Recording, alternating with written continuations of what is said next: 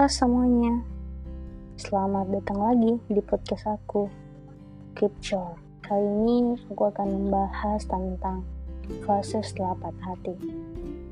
Sebelum itu, aku ingin bertanya sama kalian yang mendengar podcast aku kali ini, ada nggak di sini yang pernah patah hati?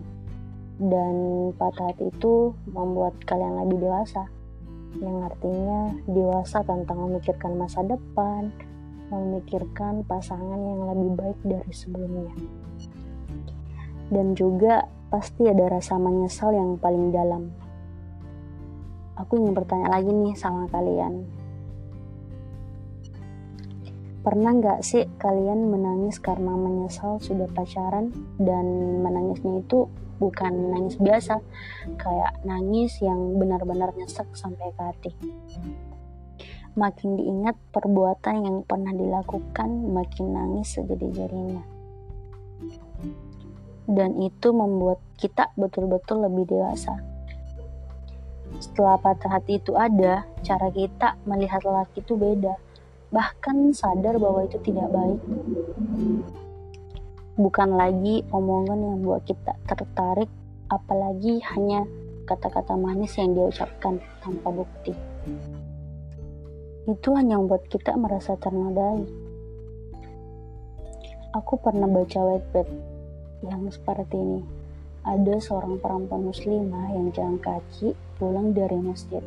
Nah, di tengah perjalanan dia bertemu sama laki-laki dan laki-laki itu langsung jatuh cinta dan mengajaknya untuk pacaran. Dan perempuan itu sontak menangis dan berlari. Terus sampai di rumah, Kayaknya kaget, kenapa?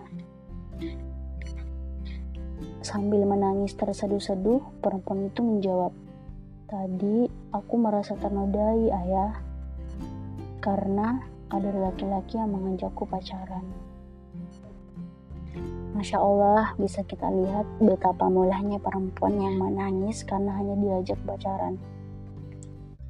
Tapi aku juga pernah membaca, sebenarnya orang yang menyesal karena pernah pacaran akan lebih mulia dari orang yang tidak pernah pacaran. Tapi bukan berarti kita harus pacaran terus menyesal, bukan seperti itu. Jangan terlalu mencintai sebelum adanya ikatan suci, karena yang berjanji bisa aja mengingkari, karena yang telah lama bersama tidak semua berujung berumah tangga. Jangan terlalu berharap lagi, ia tidak akan pernah kembali. Semoga yang pergi lantas segera mungkin Tuhan ganti, ia yang lebih peduli, lebih mengerti, lebih mencintai, hingga tidak akan ada lagi celah untuk mengkhianati. Sekarang lebih banyak-banyak berharap ke Tuhan dan itu lebih aman. Pernah berharap ke manusia dan akhirnya menjadi paling kecewa. Perihal yang telah terjadi, terimalah oleh hati, karena yang telah berlalu sudahlah berlalu. Jangan terlalu dipikirkan tentang hari kemarin, berusahalah semaksimal mungkin tentang hari ini. Kita harus sadar bahwa kita punya mental juara, kita harus lebih bertanggung jawab atas kebahagiaan diri sendiri. Kita yakin bahwa kita kuat, dan kita bukan orang yang gak bisa hidup tanpa satu orang saja.